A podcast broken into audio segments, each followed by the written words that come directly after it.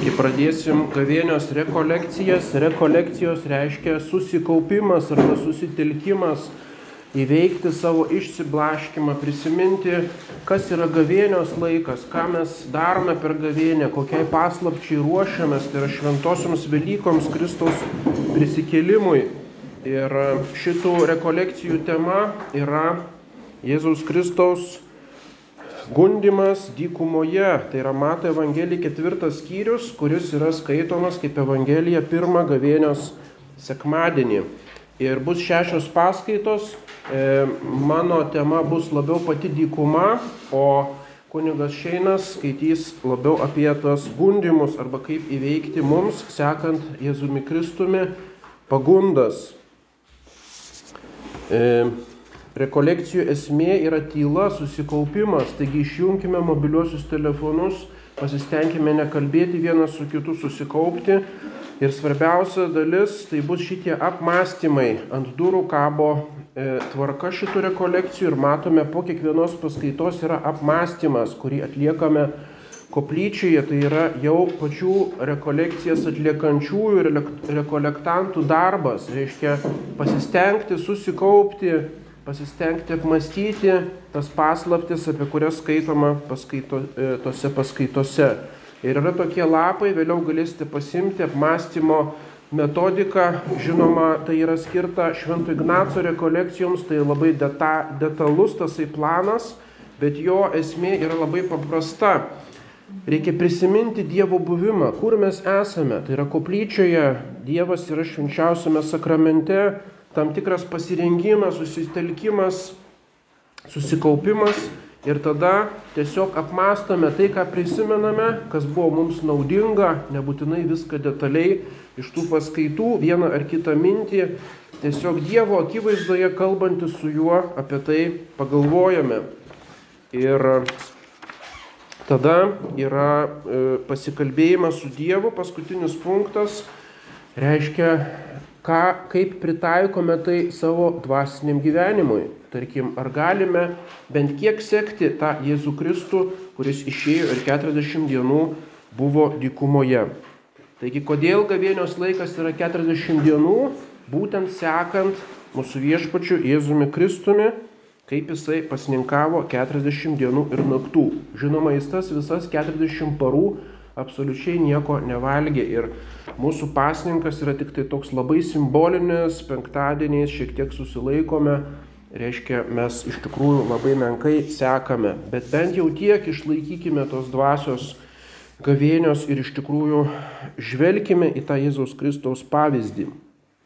Jėzus buvo dvasios, tai yra šventosios dvasios nuvestas į dykumą, kad ten būtų velnio gundomas. Iš karto tas kontrastas. Šventoji dvasia, e, tai yra švenčiausios trejybės trečiasis asmuo ir Jėzus Kristus yra antrasis asmuo. Ir štai jisai kaip žmogus nuvestas į dykumą, o ten yra piktoji dvasia. Šventoji dvasia stoja prieš piktąją dvasę, prieš velnę. Išpasninkavęs 40 dienų ir 40 naktų jis buvo labai alkanas. Ir tada prie jo prisertino gundytojas ir tarė, jei tu Dievo sūnus lip, liep, kad šitie akmenys pavirstų duona. Tai yra pirmas gundimas prieš patį šitą pasninką. Ir Jėzus atsiliepia tiesiog šventojo rašto žodžiais, žmogus ne vieną duoną gyvas, bet ir kiekvienu žodžiu, kuris išeina iš Dievo lūpų. Tada velnės jį paima į šventą į miestą, tai yra į Jeruzalę E, Jėzus tikriausiai pasninkavo judėjos dykumoje, kažkur e, Jeruzalės apylinkėse ir štai velnės, galime įsivaizduoti, jį tiesiog fiziškai perkelia į Jeruzalę ir pastato ant Jeruzalės šventyklos šelmens ir sako, jei tu Dievo sūnus, pulk žemyn, žemyn, nes parašyta, jis liep savo angelams globoti tave, reiškia jau pats velnės ima cituoti šventą įraštą. Ir Jėzus jam tarė, Taip pat parašyta negundik viešpatės savo Dievo. Tai būtų gundimas, tai būtų bandymas kažkokio sensacijos sukelimu, reiškia pritraukti žmonės ir pritraukti savo šlovę. Velnes jį paima į labai aukštą kalną. Koks tas kalnas mes nežinome, e, yra įvairios tradicijos, galbūt tai taboro kalnas. Ir rodydamas viso pasaulio karalystės sako, visą tai aš tau atiduosiu, reiškia velnes pripažįsta, jis yra šito pasaulio kunigaikštis ir štai aš tau atiduosiu, jei parpuolęs pagarbinsi mane, tai iš esmės reikštų savo dangiškojo tėvo išsižadėjimą ir Jėzus tarė, eik šalin šetoną, viešpati savo dievą te garbink. Tuomet velnės nuo jo atsitraukė ir angelai prisiartino ir jam tarnavo. Taigi Jėzus yra dykumoje vienas, įsivaizduokim tos tyrus, e, nieko daugiau, tik tai jis, Dievas ir štai yra piktosios dvasios, gerosios dvasios, yra demonas, kuris jį kundo ir yra angelai, kurie jam tarnauja, yra tie žvėris, reiškia visa tai, kas e, sudaro tą dykumos atmosferą. Kristaus pasninkas susijęs su dykumos šventaisiais Senajame testamente.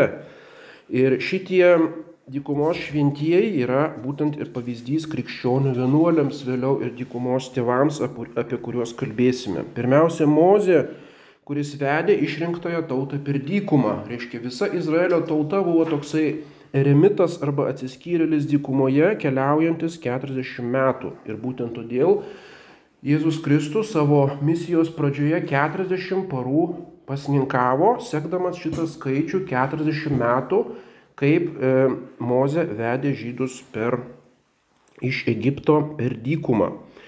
Taigi dykuma iš esmės yra ne vieta stabiliam įsikūrimui, o tai yra greičiau tranzitus tokia vieta, per kurią keliaujama link tikslų, tai yra link amžinosios tėvynės link pažadėtosios žemės. Ir todėl Jėzui dykuma taip pat tai buvo laikina susitelkimo vieta 40 dienų prieš išsiruošiant į viešąją misiją.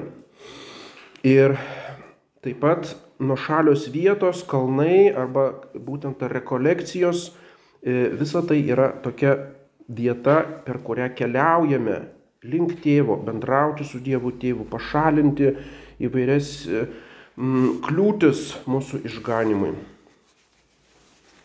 Įstatymo knygoje 32 skyrius Mozės giesmė, kaip Mozė gėda prisimindamas tą kelionę per dykumą. Viešpaties dalis yra jo tauta, Jokūbas yra jo paveldas, Jokūbas Izraelis, reiškia tai išrinktoji tauta. Jis rado jį dykumoje, reiškia Dievas rado šitą Jokūbą dykumoje, tyruose vaitojančios dykumos, šitaip yra išversta lietuviškai, lotyniškai in loco hororis et vaste solitudinis, reiškia siaubo vietoje ir visiško nusiaubimo vietoje. Dievas apglėbė jį, rūpinosi jų, saugo jį kaip savo akies lėliukė, reiškia ištraukė iš to hororo siaubo vietos. Kaip erelis skatina savo jauniklius plasdendamas virš lizdo, taip jis išskleidė savo sparnus, nešė pirmin ant savo sparnų. Vienas viešpats jį tevedė, su juo nebuvo jokio svetimo dievo, užvedė ant krašto aukštumų, maitino jo laukų, laukų derliumi, duodamas jam čiulpti medaus iš jo uolų ir alyvmedžių aliejaus iš jo akmenuotos žemės. Reiškia, toje dykumoje, kur nieko nėra, reiškia, davė jiems manos, davė visko, ko jiems reikia jų gyvenimui. Ir taip vienuoliai šitie Egipto atsiskyrėliai, galima sakyti, čiulpia tą medų dvasinį peną iš tų, iš tų bergždžių uolų, reiškia, tyrose. Paskui kitas pavyzdys yra Elijas ir e, Jonas Krikštytojas vėliau ir pats Jėzus Kristus buvo laikomi Elyjų, reiškia grįžęs Elyjas tas nepaprastas stebukladarys pranašas. Ir paskui Mozė ir Elijas būtent apsireiškė Jėzui ant taboro kalno, reiškia jie susiję su šito Jėzaus e, e, paslaptimi. Pirma karalių knyga 19 skyrius. Elijas išsigandęs stabmeldžių globėjos karalienės Jezabelės, gelbėdamas savo gyvybę, pabėgo ir pasiekęs Judo Beršebą, paliko ten savo tarną, o pats keliavo į dykumą Prieėjęs kadagį, jis po juo atsisėdo ir šaukėsi mirties. Viskas, sako, jau nebegaliu, gana, nun viešpati, imk mano gyvasti, nes aš nesu geresnis už savo protėvius. Reiškia, jau jisai praranda visas dvasinės jėgas, pats galingiausias iš pranašų, reiškia labiausiai įkvėptas, jis pasiduoda tai tokiam nusiminimui. Viskas, noriu mirti. Elijas atsigulė po kadagių ir užmygo. Staiga jį palėtė angelas ir jam tarė, kelkis ir valgyk. Ir žiūri, žaizdrė keptas paplotys ir asotis vandens, reiškia stebuklingai pastiprinamas. Viešpatės angelas atėjo antrą kartą, tarė, kelkis ir valgy, kitaip kelionė bus to per sunki, atsikėlęs pavalgė ir atsigėrė ir jis ėjo 40 dienų ir 40 naktų iki pat Dievo kalno Horebo. Ten įlindęs į olą, joje praleido naktį. Reiškia 40 dienų ir tą vieną paplotį suvalgęs jis galėjo 40 parų keliauti per dykumą. Reiškia tas dvasinis maistas, kuris būtent yra vienintelė viltis šitų e, vienuolių dykumos tėvų. Toliau žinoma Jonas Krikštytojas, kuris gyvena judėjus dykumoje, kuris dėvi kupranogario kailį, mintas kėriais, laukinių bičių mendumi, tai yra tokia unikali asmenybė. Ir jisai turi daug mokinių, bet mes neskaitome, kad tie mokiniai būtų jo sekę, reiškia, tuo asketiniu keliu, kuris buvo pernelik sunkus, jie tik tai priimdavo Jono krikštą klausydavosi jo pamokymų, bet patys nebuvo tokie atsiskyrėliai asketai. Ir pats Jonas Krikštytojas buvo labai švelnus, jisai nesakė žmonės, kurie pasikrikštėt viskas, turit atsisakyti viso turto ir turit paskui mane eiti dykumą, išparduoti turtą. Ne, jisai sakydavo netgi kareiviai, jūs galite ir toliau eiti karo tarnybą, tik tai neskriauskite žmonių, reiškia atlikit savo lomo pareigas, labai švelnus Jono mokymas. Ir taip pat Jėzus Kristus, iš kurio taip pat tai Jono mokiniai perėjo pas Jėzų Kristų, jie nepraktikavo specialios askezės. Kodėl? Todėl, kad dar tam nebuvo laikas. Ir tik tai po Jėzui įžengus į dangų jau prasidėjo tasai e, kankinystės ta epocha, kančios epocha. Na ir žinoma, tarp apaštalų vienolystės pavyzdys yra Paulius kuris po savo atsivertimo kurį laiką gyveno Arabijoje. Kaip mes skaitome laiške Galatams, nevykau Jeruzalę pas anksčiau už mane pašauktus apaštalus, bet iškeliavau į Arabiją ir tada vėl grįžau į Damaską. Reiškia, nesako, kur tiksliai jisai buvo, tai kažkur tai Arabijos provincija, tai yra šiaurės rytų Palestina, reiškia kažkur į rytus nuo Galilėjos. E, tai nėra tas Saudo Arabijos tos dykumos, bet būtent Palestinos dalis būdavo vadinama Arabija. Ir jis nerašo, kad ten labai ilgai buvo, nedetalizuoja, ar ten jis gyveno kaip atsiskyrėlis vienuolis, bet būtent daug e, tų pirmųjų vienuolių taip ir suprato, kad Paulius buvo toks pirmasis asketas, kuris pirmiausia kurį laiką gyveno dykumoje ir tik paskui leidosi į savo paštalinės keliones. Taigi per šitas rekolekcijas, nes kas yra rekolekcijos, tai yra tam tikras vienai dienai ar kelioms dienoms vienuolynas pasauliečiams. Galime prisiminti apskritai tą vienuolystę, kas tai yra tokį esminį krikščionių religijos elementą, kuris sparčiai nyksta. Reiškia, kunigystės pašaukimų dar šiek tiek yra, nes tikintieji reikalauja sakramentų ir mišių, bet vienuolių, ypač vyrų kongregacijos, visiškai nyksta. Jas bando keisti įvairiausi vadinami pašvestojo gyvenimo institutai, visokiausi bažnytiniai judėjimai, bet vis dėlto šitas modernizmas, sekularizacija, jis visiškai greuna ir šitie pakaitalai taip pat neišsilaiko. Mes kartą svečiavomės čia iš priorato pažaislis, čia yra netoli, yra seseris Kazimierietės. Tai yra seniausia tokia tipiškai lietuviška kongregacija klestėjusi tarpukariu, dabar visiškai jau beveik išmirštanti. Ir ta vyresnioji m, sako, kad vienuoliai yra nykstanti rūšis. Reiškia, jinai pati tai pripažįsta. Reiškia, dar tos kontemplatyvios, uždaros, griežtesnės seseris išsilaiko, o aktyviosios, kaip kazimierietės, jos jaučiasi nereikalingos, nes visas jų funkcijas atlieka pas, pasauliečiai. Mokytojavimas, katechezė slauga, karitatyvinė rūpyba ir taip toliau, o vyrams tai iš viso nebėra, nebėra atseit ką veikti. Taip kad gali būti, kad netrukus išliks tik tai nedidelės kontemplatyvios uždaros griežtos regulos, reiškia, vienolyjos, o visos kitos sparčiai nyksta. E, į mūsų brolyje Lenkijoje atėjo pirmasis Slovakas, reiškia, iki šiol brolyje visai neturėjo uh, tikinčiųjų Slovakijoje ir dabar atėjo Slovakas kuningas Jozefas toksai, susitikau jį neseniai Varšuvoje ir tai labai įdomu. Reiškia, jis dirbo Prancūzijos pietuose, ten tokia konservatyvi viskupija ir vyskupas padarė eksperimentą. E, reiškia, kadangi viskupija konservatyviai, jinai pritraukia daug kunigų, reiškia, o tikinčiųjų ten beveik nėra, nes prancūzai visiškai yra praradę tikėjimą, visos bažnyčios uždarytos, parapijos seniai mirusios. Ir reiškia, vyskupas sako, gerai, aš jūs priimu į viskupiją, bet jūs būsit eremitai, būsit tokie atsiskyrėliai. Reiškia, duodu jums apleistą bažnyčią, kleboniją, auginkit daržovės, verskitės kaip norit ir gyvenkit. Reiškia. Ir Jozefas turėjo savo didžiulę parapiją, milžinišką bažnyčią, jokių lėšų iš viskupijos negauna ir vienas tikintysis pasimišęs ateidavo. Nu tai va, toks buvo jo gyvenimas.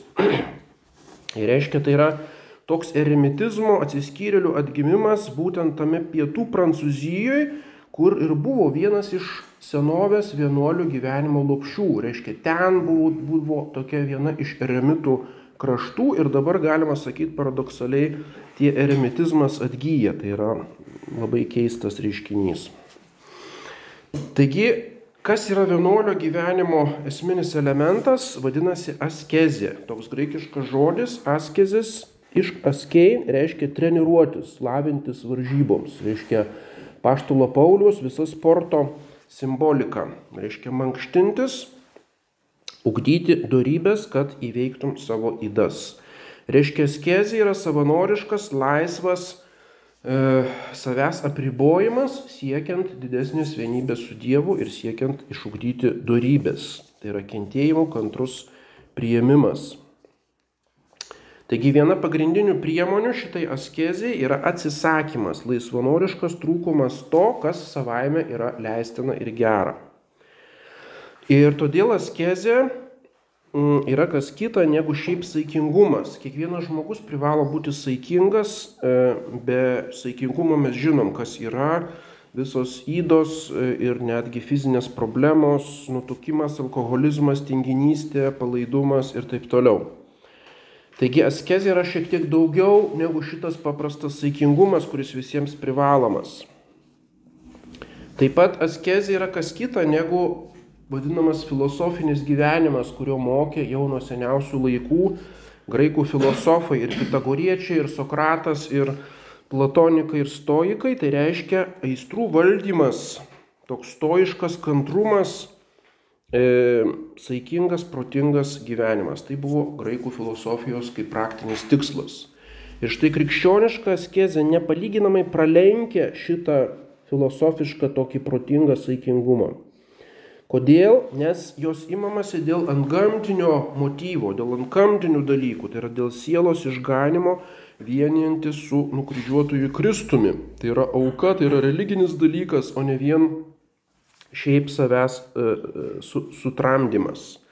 Ir kitas dalykas atsisakoma daugiau negu reikalauja saikas. Tai reiškia, askezė yra daugiau negu tai, kas reikalauja saikingumas. Ir trečias dalykas, askezė siejasi su mistika. Reiškia, dvasinis gyvenimas dalinasi į dvi dalis. Tai yra askezė ir mistika. askezė tai yra labiau negatyvus, savęs apvalymas, sutramdymas O mistika tai yra vienimas su Dievu. Ir mistika skirta ne tik tai kažkokiems ypatingiems mistikams šventiesiems, o visi krikščionys turi gyventi tam tikrų laipsnių mistinį gyvenimą, tai yra maldos gyvenimas, vienybė su Dievu. Kas yra mistika? Tai yra komunija. Jeigu mes pasiruošiam komunijai, priimam komuniją, tai jau yra aukščiausia mistika. Mes priimam patį Dievą e, į save. Taigi krikščioniška askezė siekia ne šiaip savo sustiprinti žmogišką prigimtį, siekiant kažkokios tai harmoningo gyvenimo, bet siekia pakeisti prigimtį, prigimtinį žmogų visiškai naujų žmogumi. Reiškia, kaip sakoma, turi gimti naujas žmogus, perkeistas malonės, kuris siekia ant gamtinės laimės danguje. Tai yra radikali revoliucija, lyginant su pagoniška mintimi. Ir todėl krikščioniška askezė vadinama apsimarinimu, latiniškai mortifikacijo, apsimarinimas. Tai yra tam tikras prigimties, e, tam tikrų aspektų numarinimas siekiant aukštesnio ligmens gyvybės. Taigi tikslas apsimarinimo yra gyvybė, tai yra gyvenimas, tikrasis dvasinis gyvenimas. Taigi tiek saikas, tiek apsimarinimas yra kiekvieno krikščionio pareiga. Tai nėra specifiškai vienuoliškas dalykas, kiekvienas privalom apsimarinti. Tačiau bažnyčia įsako praktiškai tik vienos dalies e, ap apmarinimą, tai yra pasninką tam tikromis dienomis, susilaikimas nuo valgio Ir antras dalykas tai yra susilaikimas nuo pasilinksminimų Advento gavėnios laikų. Reiškia, bažnyčia įsako paprastiems tikintiesiems absoliutų minimumą šito apsimarinimo. Ir ypatingas apsimarinimo atvejis, kuris jau pakeičia praktiškai gyvenimą, vadinasi celibatas. Iš latiniškai celeps tai yra vienas gyvenantis nesusituokęs. Reiškia, jau čia yra kada išeinama iš pasauliečių lygmens į kitą lygmenį, kada prisimamas apsimarinimas lyties arba šeimos srityje. Tai yra celibatas. Taigi celibatas skiriasi nuo šiaip fizinio negalėjimo gyventi lygtinį gyvenimą arba nuo privalomo lytinio susilaikymo iki santokos, tai yra tiesiog įsakyta bažnyčios, tai dar nėra celibatas. Ir taip pat nuo mm, faktinio, reiškia, tų santykių nebuvimo, tarkim, dėl partnerio stokos, viengungystė arba separacija arba našlavimas, tai tokios natūralios būsenos, tai nie, joms nėra specialaus religinio pašventimo. E, celibatas dėl kultinio tyrumo įpareigoja visus kunigus, taip pat dvasininkus nuo subdiekonato E, ir jo laikosi specialius įžadus davusios mergelės ir našlės ir taip pat būtent vienuoliai. Taigi būtent vienuolystė tai yra vienas iš šito celibato tokių aspektų arba luomų žmonių gyvenantis, e, žmonės gyvenantis celibate. Taigi celibato susijimas su neturtu reiškia, duoda pradžią ypatingam luomui vienuolystiai. Turim suprasti tą, reiškia, trys luomai bažnyčioje - kunigystės luomas, santokos luomas ir būtent vienuolystės luomas. Ir štai graikiškai e, vienuolis vadinasi monachos, iš žodžio monos, tai yra gyvenantis vienas celibato prasme, neturintis žmonos arba vyro. Nors iš esmės tai praktiškai visi vienuoliai gyvena bendrai, negyvena vieni, jie nuolatos su kitais, jie paklūsta vyresniajam ir praktiškai neturi privatumo. Reiškia, jis tikrai nėra vienas vienuolis vienuolynė. Bet vienuolis monachos reiškia, kad jis laikosi celibato. Reiškia, tas aspektas pabrėžiamas. Kaip sakoma latiniškai, solus cum solo. Vienas su vienu. Reiškia, viena mano siela ir vienas Dievas ir viskas kitkas nesvarbu vienuoliui. Ir štai čia remsimės šiek tiek yra tokia labai gera knyga e, Dikumos tėvų pamokymai. Tai yra būtent istorijos apie tos pirmosius vienuolius, Egipto dikumos susiskyrėlius, jų posakiai Ir štai vienas iš tų vienuolių Alonijus sako, jei žmogus savo širdyje neištars, šiame pasaulyje esame tik aš ir Dievas, jis neras ramybės. Ramybė, kaip minėsime, yra svarbiausia tų vienuolių kaip tikslas jų visos askezės ir štai tos ramybės nerasiu, jeigu netarsiu šitame pasaulyje, nieko daugiau nėra, tik mano siela ir Dievas. Taigi vienuolis tas, kuris profesionaliai siekia tobulumo arba šventumo. Šventumo siekimo luomas, galima taip sakyti. Tačiau siekti šventumo privalo visi Kristų tikintieji. Tai yra visiems skirta. Taigi visi tam tikrą prasme ir mastu turi kažką tai praktikuoti iš vienuoliškų gyvenimų. Tai yra visiems. Nėra specifiškai pasaulietiškų, galima sakyti, specialiųjų pašventinimo priemonių. Reiškia, žinoma, yra savo luomo pareigų atlikimas, visų e, Dievo skiriamų kančių pakėlimas, sunkumų pa, e, ištvėrimas, reiškia kryžiaus nešimas ir taip toliau.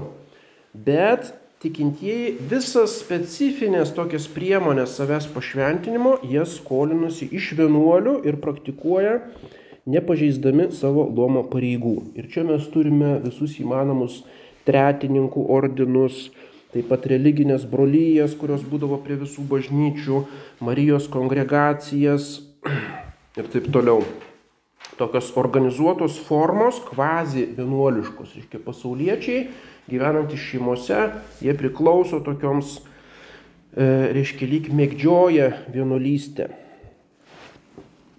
Taigi, e, jeigu mes norime ypatingai gyventi pamaldų gyvenimą, mes turime kažką skolintis iš vienuolių. Mes turime žiūrėti vienuolius kaip į pavyzdį. Galima sakyti, tokia yra norma.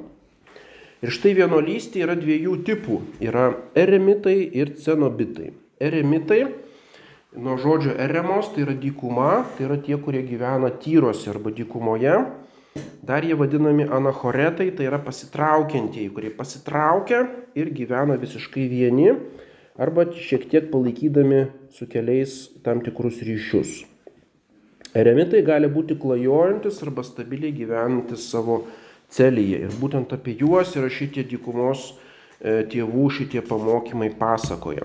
Taigi anachoretas, kuris pasitraukia, išeina, pabėga iš pasaulio ir gyvena kaip atsiskyrėlis. E, reiškia, tas žodis anachoretas taip pat naudotas pasaulietinė prasme, tai būdavo Egipte e, valstiečiai, žmonės, kurie bėgdavo iš savo kaimo nuo vadinamų liturgijos. Liturgija tai yra viešieji darbai arba mokesčiai, reiškia. Ateidavo valdininkas ir sako, dabar viskas eik kast kanalo arba ten kokiu nors tiest kelio. Ir ta, tas liturgija, tas viešieji darbai baisiai slėgdavo žmonės, jie subankrutuodavo ir tada tapdavo anachoretas, reiškia pabėgdavo nuo šito. Bet, kaip mes matome iš istorijos, tik labai nedaugelis tapdavo anachoretais religinė prasme. Taigi mes negalim sakyti, kad vienuolystė atsirado iš žmonių, kurie tiesiog bėgo iš pasaulio, norėdami atsikratyti pasaulietinių prievolių ir pareigų. Tai būtų visiškas istorijos iškraipimas. Ir kitas vienuolystės tipas tai yra cenobitas. Koinos reiškia bendras, bendrai gyvenantis, tam tikroje bendruomenėje laikosi regulos ir turi vyresniai. Tai yra klasikinis vienuolynas. Ir kiekvienas vienuolis vienuolynė taip pat turi savo celę, E, kur gali būti vienas, tai yra tam tikrą laiką jis yra panašus į eremitą. Reiškia, vis dėlto tam tikras tas atsiskyrėlio elementas yra pas kiekvieną vienuolį gyvenantį vienuolynę. Ir štai dabar mes matome vienuolius praktiškai visus, 99 procentai gyvena kaip cenobitai, jie gyvena vienuolynuose. Kodėl nebeliko eremitų? Niekur mes nematom miškuose, kalnuose gyvenančių eremitų, jie tokia egzotiška mažuma Todėl, kad tą bendruomeninį gyvenimą ypač skatino senųjų regulų rašytojai, reiškia to vienuolinio gyvenimo kaip tvarkytojai, šventasis Bazilijus, šventasis Augustinas ir šventasis Benediktas. Tos trys senosios regulos - bazilijonai, augustijonai, benediktinai. Kadangi jie suvokė, kad laisvės apmarinimas per paklusnumą vyresniajam Jis yra daug esmingesnis ir radikalesnis negu pasninkas, gyvenimas dykumoje ir visokie kitokie kūniški apsimarinimai. Reiškia, jeigu nori iš tikrųjų apsimarinti tikrą askezę, tai pirmiausia apmarink savo valią, reiškia, nevykdyk savo savivalės, o paklusk vyresniajam. Ir būtent todėl, e, kaip tobulesnis laipsnis įsigalėjo bendruomeninis gyvenimas cenobitai.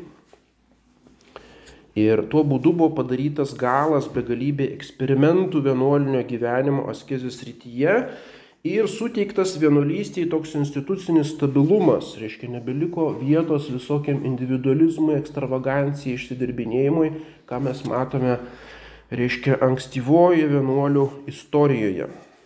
Ir tada visa ta vienuolystės energija buvo nukreipta kūrybiniam darbui. Reiškia, vienuoliai užsiemė puošnia liturgija, bažnytiniu menu, užsiemė teologiją, tapo apaštalais, misijas vykdo, karitatyvinė veikla ir taip toliau. Praktiškai didelė dalis viso to, ką bažnyčia vykdė, tas visas milžiniškas civilizacinis darbas buvo iš tų vienuoly, vienuolyjų, būtent cenobitinių.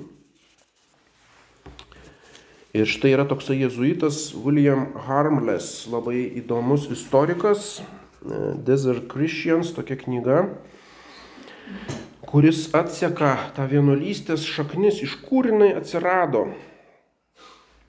reiškia, buvo daugybė teorijų 20-am amžiui, kad iš kur tie krikščionių vienuoliai atsirado. Vieni sako, kad jie atsirado iš šito filosofinio gyvenimo, reiškia graikų. Reiškia tiesiog krikščionys ėmė sekti e, tuos stoikus, platonikus, e, pitagoriečius ir kitus tuos gyvenančius tą filosofinį gyvenimą, tik jį sukrikščionino. Bet istorija šito visiškai nepatvirtina tos teorijos. Kiti savo, kad vienuoliai atsirado iš esėnų, reiškia, tokia buvo žydų sekta, kurios kumrane randami rankraščiai. Jie gyveno tokiamis atsiskyrėliais, tokiamis bendruomenėmis ir taip toliau, bet taip pat nėra jokio testinumo, nes tie esėnai gyveno maždaug Kristaus laikų, o pirmieji vienuoliai yra maždaug 150 metų po, 200 metų po Kristaus, reiškia jokio testinumo nėra. Kiti sako, kad Krikščionių vienuoliai atsirado iš budistų vienuolių, kadangi tokio vienuolinio viso gyvenimo seniausios formos tai yra Indijoje, reiškia hinduizmas, džainizmas, budizmas. Ir šitie budistai atkeliavo ir iki Romos imperijos, iki Aleksandrijos, iki Egipto, būdavo vadinami gimnosofistai, reiškia nuogi filosofai, reiškia, kurie ekstremali askezė ir jie skeldavo tokią savo budistinę, reiškia, filosofiją. Bet tas budizmas Romos imperijoje neprigyjo. Ir kita teorija, kad vienuolė atsirado iš manichėjų. Manichėjai tai buvo tokio manio įkurta e, tokia sekta, kuri vėliau tapo praktiškai pasaulinė religija. Manicheizmas išplito nuo e, e, Afrikos, kur Šventasis Augustinas turėjo su jais kovoti, per visą Romos imperiją, per visą Persiją iki Kinijos. Reiškia, manichėjų buvo bendruomenės iki pat Kinijos. Reiškia, praktiškai visas pasaulis buvo apimtas šitos erezijos manichėjų, kurie atmetė visą kūną, atmetė, atmetė santoką. Ir matome, kad nieko panašaus, nes patys pirmieji vienuoliai Egipte, jie aršiai kovėsi prieš tos manichėjus, su jais polemizavo ir tikrai nieko bendro neturi manichėjų gyvenimo būdas su šitais pirmaisiais vienuoliais. Taigi Harmleso studija atmeta visas tas tokias mm, nepagristas teorijas. Ir štai Kasijonas buvo toksai rašytojas, kuris vienuoliško gyvenimo tradiciją perkelė į vakarus, nepaprastai įtakingas rašytojas, jisai sako, kad vienuolystė kyla iš apaštalų laikų. Reiškia, apaštalų darbų ketvirtoje knygoje skaitome, kad pirmykštė bendruomenė Jeruzalėje turėjo viską bendrą, reiškia bendrai turėjo savo turtą, atsisakydavo individualios nusavybės, tai jau tam tikras kaip vienuoliškas gyvenimas. Be to, Jėzus Kristus gyveno celibate, be santokos, apaštalas Paulius gyveno celibate.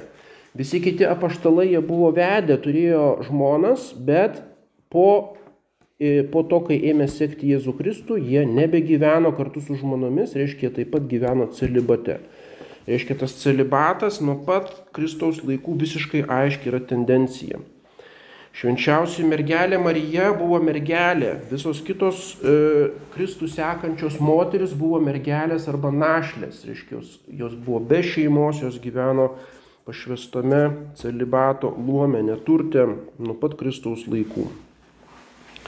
Ir štai tas tendencija jinai e, būtent tęsiasi ir tada atsirado, kaip kas Jonas rašo, monozontės arba tie vienuoliniai, dar ne monachos, bet tie, kurie jau bando gyventi vienuolišką gyvenimą. Galatams trečias skyrius. Nebėra vyro ir moters. E, reiškia, paštlas Paulius sako, Tas reiškia griežtas atskirimas socialinis tarp vyrų ir moterų krikščionybėje žymiai susilpnėjo. Ir todėl moteris labai dažnai įgaudavo specialų statusą, turtingos moteris tapo pagrindinėmis bažnyčios rėmėjomis, reiškia, nuo apaštalų laikų. Ir taip pat nuo tų laikų atsirado vienuolių moterų tokios bendruomenės, reiškia mergelės ir našlės susimesdavo ir kartu mieste gyvendavo pamaldų gyvenimą, patarnaudavo bažnyčiai, kunigams, bet tik tai labai nedaug tų moterų tapo eremitėmis, reiškia išėjo į dykumą. Mes turime vieną kitą vadinamą amą arba tokią motiną, dykumos motinos, bet jų yra labai nedaug. Tai tokia egzotiška išimtis. Ir štai Harmlės rašo, kad toks istoriškai patvirtintas pats pirmasis, nes kas Jonas visą tai rašo teoretiškai, jis nepateikia įrodymų ar kažkokių istorinių duomenų.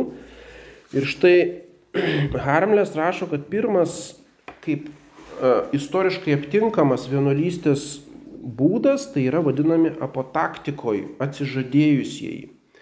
Tai reiškia, yra žmonės, kurie gyvena šalia kaimo arba šalia miestelio Reiškia, jie lyg ir atsiskiria nuo miestelio bendruomenės, jie gyvena celibate, neturte, kažkokioj trobeliai, visą savo laiką jie skiria maldai ir geriems darbams, jie turi didelį autoritetą kaime, jie duoda žmonėms dvasinių patarimų, rodo jiems šventumo pavyzdį ir taip toliau, bet jie dar nėra atsiskyrėliai. Jie yra apotaktikoje tokie atsižadėjusiai pasaulio Reiškia, esminis elementas yra atsižadėjimas, apotagė reiškia graikiškai, atsižadėjimas, neįsikibimas į nieką, reiškia kaip į gelbėjimosi ratą.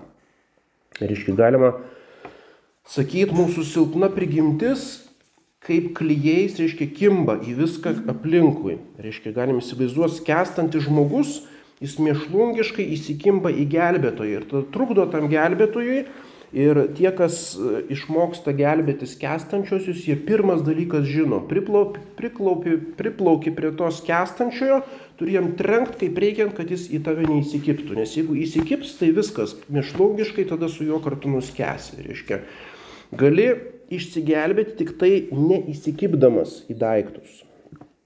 Arba kaip šuo, reiškia, įsikanda ir nors užmušk, visiškai iracionaliai, reiškia nepaleis, nors iš to jokios naudos gali jį sudraskyti, bet jis mėslungiškai įsikandęs, reiškia. Ir žmogus taip pat linkęs, reiškia, paima kokį nors daiktą, tarkim, statysios namą, reiškia, visas jo gyvenimo tikslas, jis gali šeimą sugriauti, jis gali bilę kokias nesąmonės daryti, būtinai pasistatysiu šitą namą. Ir įsikanda, reiškia, ir tai yra kaip jo gyvenimo, reiškia, tikslas.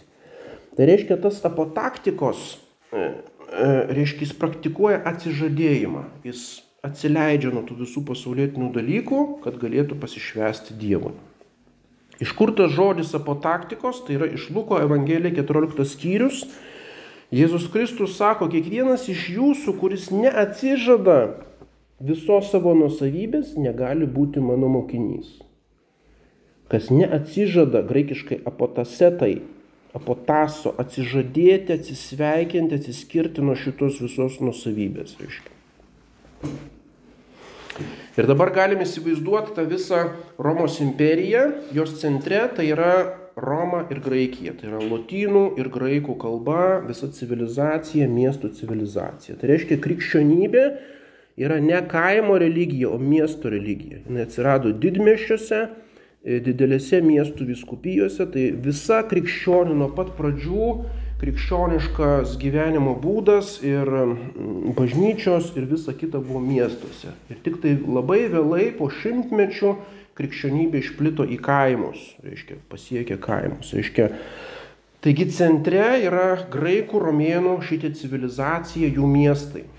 Ir štai aplinkui yra kaimai, yra tos visos kitos tautos, kurios nekalba graikiškai ir lotyniškai Pirmiausia, tai yra koptai, tai yra egiptiečiai, reiškia, kurie iš Egipto senovės civilizacijos, paskui yra sirai, paskui yra galai vadinamieji, tai yra keltai ir taip toliau. Reiškia periferija, galima sakyti, periferija civilizacijos. Ir štai toje periferijoje ir atsirado pirmosios vienuolių bendruomenės. Ir tada tie miesčionys, reiškia, išsilavinę, rafinuoti miesto, reiškia, intelektualai, jie pastebėjo tos kaimiečius, o jie, reiškia, gyvena kažkokį keistą gyvenimą. Ir tada jie, tie miestiečiai, graikakalbiai, ėjo į, į kaimus pas tuos vienuolius ir iš jų mokėsi vienuolinio gyvenimo. Tai reiškia, tokia buvo logika. Reiškia, tie apotaktikoj, tai buvo šitie kaimiečiai šalia kaimų gyvenantis tokie šventi vyrai. Ir tada pas juos eina kiti ir pas juos mokosi. Taigi pirmasis centras tai buvo Egiptas, anachoretai, pirmiausia koptas e, valstietis Antanas, kuris išgirdo būtent tą Luko Evangeliją, kas neatsižada visos nusavybės, negali būti mano mokinys. Ir tada Jisai nuėjo į pas tokį apotaktiką, reiškia vienuolį prie kaimo. Ir štai Atanazas, kuris aprašo Antano gyvenimą, jis nedetalizuoja, kas buvo tas jo mokytojas. Reiškia, Antanas neišrado vienuolystę, bet jisai jau mokėsi pas tą, reiškia, apotaktiką vienuolį prie kaimo.